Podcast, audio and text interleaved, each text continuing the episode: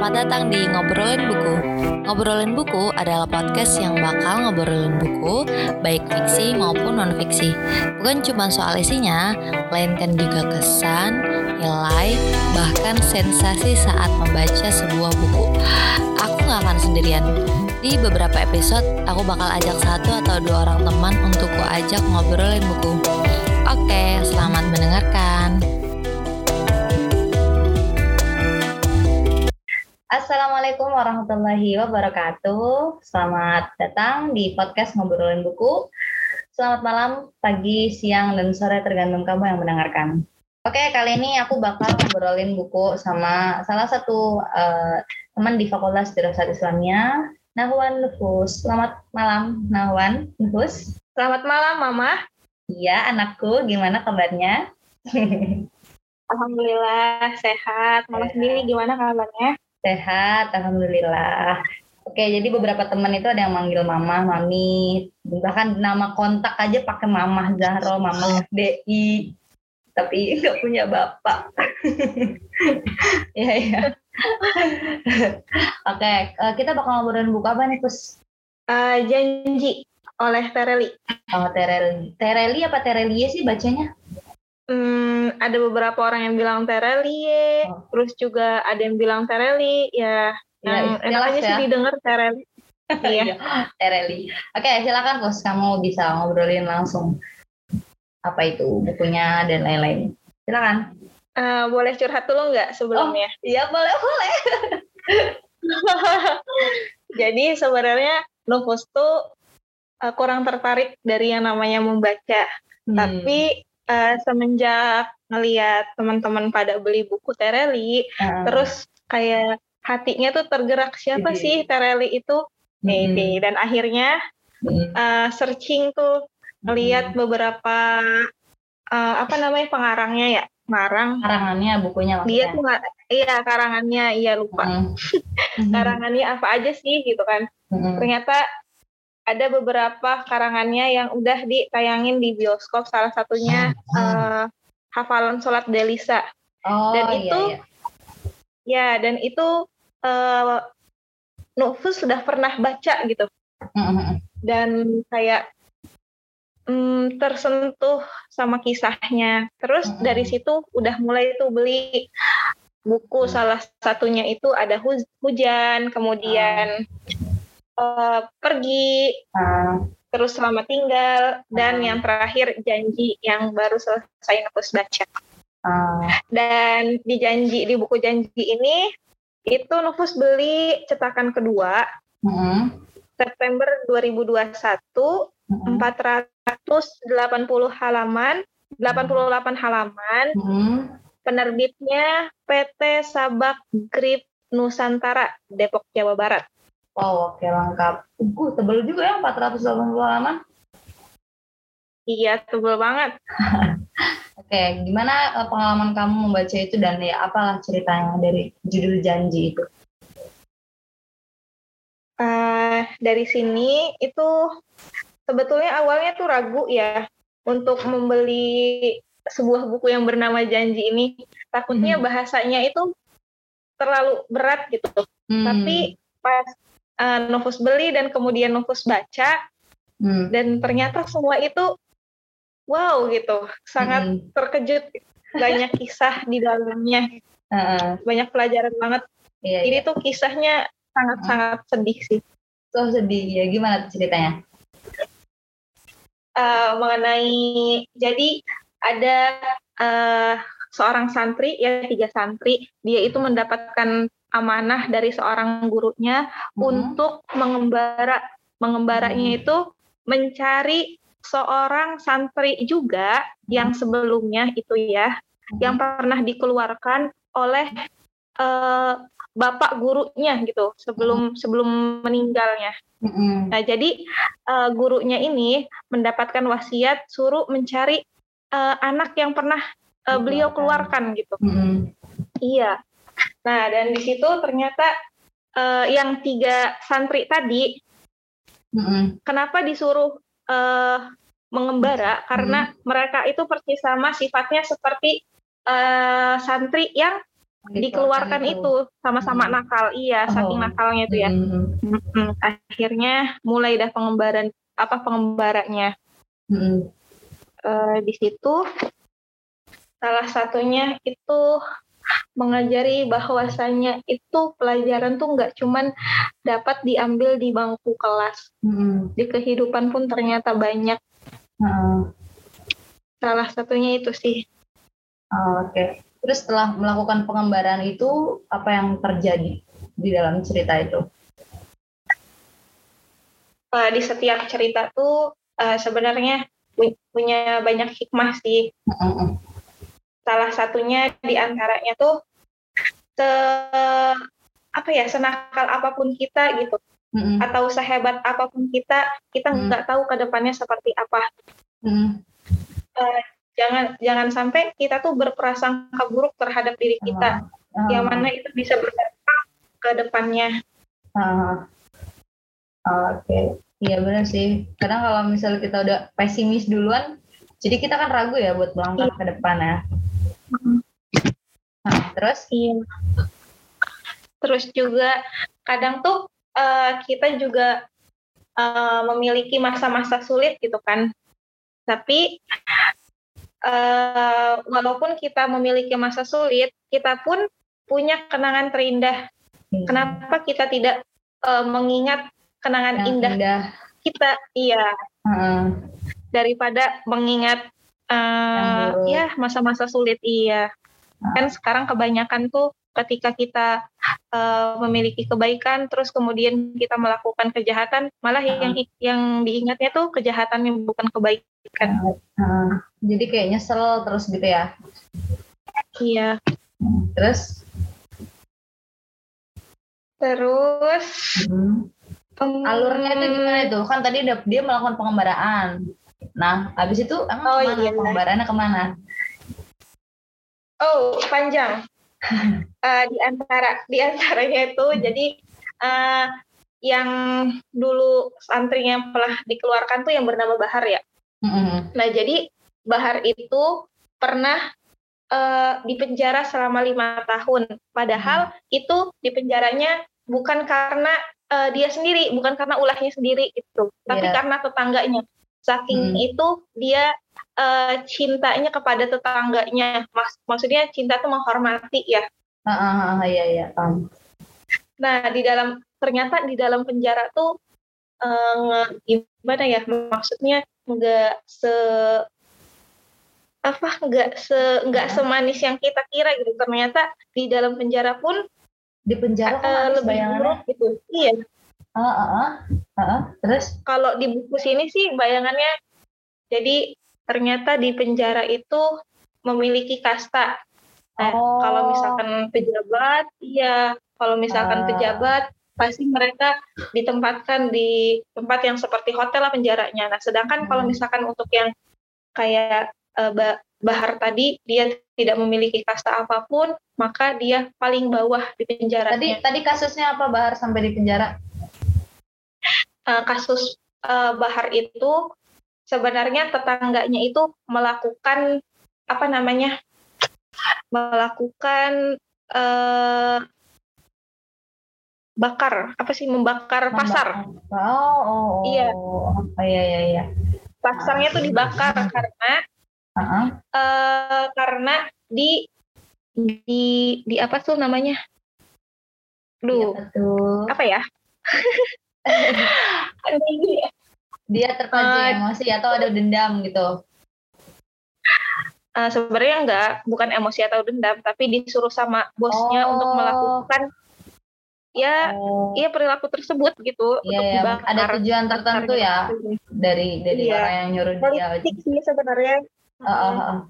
ya jadi tapi yang di penjara dia bukan uh, otak yeah, dari uh, uh. pembakaran itu Uh, uh, iya, karena yang disuruhnya itu maksudnya tetangganya itu dia tuh memiliki keluarga, memiliki anak, kemudian memiliki istri, yang oh. mana pada saat itu tuh dia tuh emang sedang mm, masa-masa mm, yang sulit gitu, ekonomi aja sulit.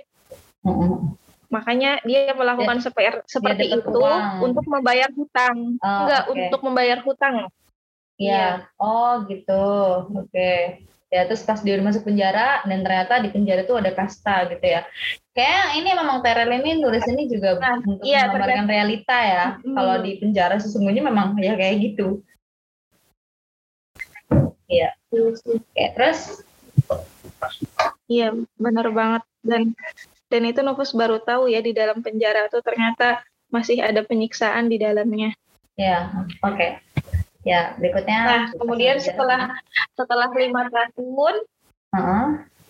Uh, setelah lima tahun, Bahar ini mengembara kembali ke uh, da- suatu daerah yang mana setelah dia uh, berpenjara lima tahun itu, dia belajar uh, otomotif, mm-hmm. kemudian belajar memasak, nah sehingga dia keluar mempunyai bekal punya skill ya. Ya pokoknya gitu. Terus mm-hmm. iya skill.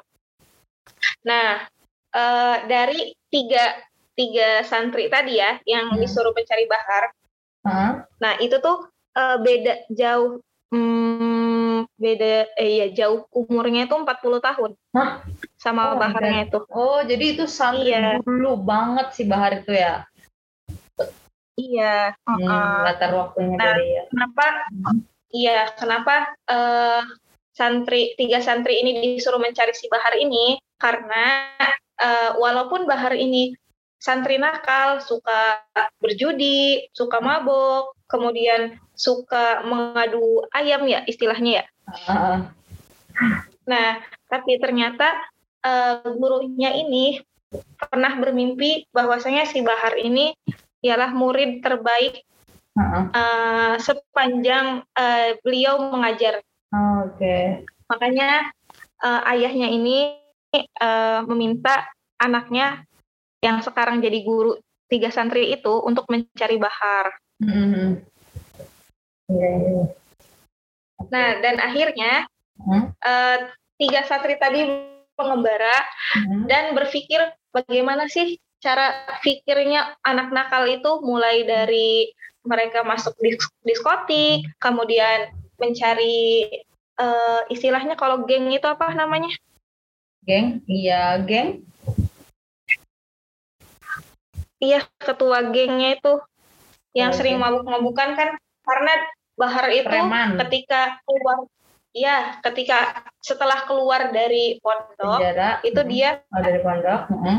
uh, pergi iya pergi dari pondok ke langsung ke tempat judi tadi. Hmm. Iya, nyari nyari tempat aman lah. Kalau misalkan uh, Novus cerita sih, Novus bingung ya harus dari mana ya. Tapi intinya sih Bahar hmm. itu walaupun memiliki uh, apa namanya karak oh, sifat yang ya. jelek, ya. ya, ya masa lalu yang buruk lah ya. Ya kebiasaan, iya kebiasaan buruk. Tapi dia tuh memiliki hati nurani. Yang mana hati nurani ini selalu berbisik kepada Bahar supaya Bahar tuh uh, berubah. Uh-uh. Jadi walaupun dia sering berjudi, kemudian juga mabuk, tapi dia tidak pernah meninggalkan sholat, kemudian tidak pernah mencuri dan tidak pernah berbohong. Oh, Oke. Okay. Jadi uh, setelah dari penjara itu baru dia kayak menjadi manusia baru gitu ya? Uh, sebenarnya, mm-hmm. oh iya, iya, semenjak dari penjara. Uh, iya bebas dari penjara itu Bahar sudah mulai tuh yang namanya mabuk-mabukan ditinggalkan kemudian uh, berjudi juga ditinggalkan hmm. dia buka usaha hmm. berapa tahun emang di penjara ceritanya lima tahun dan lima tahun. selama lima tahun itu dia disiksa hmm. sama sipirnya oh, oke okay. nah uh, setelah itu kehidupan Bahar seperti apa setelah keluar dari penjara dan ya gimana konfliknya itu apa gitu? Oh, setelah keluar dari penjara tuh, uh, jadi setiap dia menetap di suatu tempat, orang-orang di sekitar itu mengenang dia tuh bukan Bahar yang suka berjudi, suka mabok, tapi hmm. Bahar yang baik sekali, yang oh. sering menghormati tetangganya, menghargai, kemudian uh, dia tidak memikirkan dirinya sendiri, hmm. tapi dia sangat peduli uh, dengan orang lain lebih peduli itu dibandingkan dirinya sendiri. Iya iya. Oke. Okay. Jadi mungkin makna judul dari ja, ja, makna dari judul janji itu adalah janji kepada diri sendiri gitu ya maksudnya. Janji untuk berubah. Janji untuk lebih baik iya. Gitu iya. Gitu ya. betul banget. Nah. Iya. Nah terus si santri yang nyari ini ketemu apa enggak? Nah intinya sih intinya sih di akhir tuh eh, setelah tiga santri ini mengembara ke penjuru negeri ya sampai ke eh, Pulau Jawa. Itu tempat titik akhirnya. Itu si Bahar udah meninggal tujuh tahun yang lalu. Oh oh. Jadi belum sempat ketemu? Iya. iya nggak nggak sempet iya. Tapi Jadi- diceritain kan. Oh dicerita. Oh eh, setiap- aku tebakannya ini alurnya mundur ya? Iya mundur maju sebenarnya. Maju mundur gitu ya? Kayak Heeh. ya, alur campuran. Jadi karena si santri itu misal udah ketemu sama keluarganya gitu, kemudian diceritain mundur terus maju gitu kan? Iya. Mm-mm, mm-mm. oh gitu. Ya oke. Eh, Ah, apa hikmah jadi kamu setiap tiga santri Hmm, setiap tiga Sebentar, santri boleh? iya ya gimana jadi jadi eh, setiap santri eh tiga santri yang mengembara itu menetap itu ada sebuah kisah baik dari seorang bahar pokoknya yang dikenang sama tetangganya terus warga sekitarnya itu selalu baik mm-mm. makanya eh, setiap kali menetap itu ada cerita baru cerita baru cerita Oh. cerita baru gitu jadi Oh, gitu. flashback lagi terus nanti alurnya maju lagi gitu oh gitu oke oke Mm-mm. Hmm. Nah, terus pas di ending tiga santri itu gimana nasibnya? Kayaknya si tiga Nasibnya- santri itu cuma pengantar doang nggak sih? Intinya adalah si Bahar kan? iya intinya si Bahar sih Mm-mm. cuman sebenarnya yang tiga santri itu mereka sama-sama nakal sama-sama nakal dan sifatnya pun sama sama kayak si Bahar Hmm. cuman lebih parah emang Bahar nah dari dari Hmm. perjalanan itu mereka tuh banyak belajarnya oh ternyata Oh. mereka ditempatkan di pondok itu bukan hanya eh, beranggapan mereka kan awalnya dibuang bukan hanya Ah, eh, belajar tentang duniawi gitu iya, iya, ternyata akhirat juga mereka pelajarin. Hmm. Oh gitu. Oke. Kita tentang ya tentang eh, nilai moral gitu ya. iya Oke. Jadi kamu dapat insight banyak banget ya dari novel ini, terutama soal ya kehidupan tidak mudah menjustifikasi kehidupan orang gitu ya, karena kan kita nggak tahu masa depan orang gimana gitu kan. Tapi eh, bener banget mah karena emang kita ya nggak bisa nebak masa depan sih. Jadi kadang kadang Hmm, santri atau orang yang udah dicap buruk itu ya udah dia dapat label buruk terus gitu. Nggak susah Iya, untuk mengembalikan nama baik itu. Gitu. terus gimana? Ada lagi? Eh, ini recommended banget sih buat dibaca. Janji. Dan iya sih iya. soalnya dekat dengan kehidupan ya. Iya ah ah. ya mungkin eh, mereka yang di sana yang membaca janji lebih pintar mengekspresikan gitu ya dibanding nufus tapi ini bener recommended banget. Iya iya iya. Nggak apa-apa gitu. Setiap orang kan punya cara em, menyampaikan ulang gitu menyampaikan kembali. Karena ketika aku misal ngobrol sama siapa pun aku berusaha menggali gitu apa sih yang sebenarnya mau disampaikan? Ada yang emang ya dia akan menyampaikannya sendiri ada yang memang harus di- digali terus. Tapi ngomong soal eh, cerita di, di bar ya ini aku mau sharing aja ya. Soal teman-teman aku di rumah. Teman-teman aku di rumah itu pergaulan bebas gitu loh Pus. terus eh, kemudian Iya, pas aku mondok kita nyambung lagi kan. Tapi dulu ya namanya aku masih remaja masih agak takut gitu untuk berteman.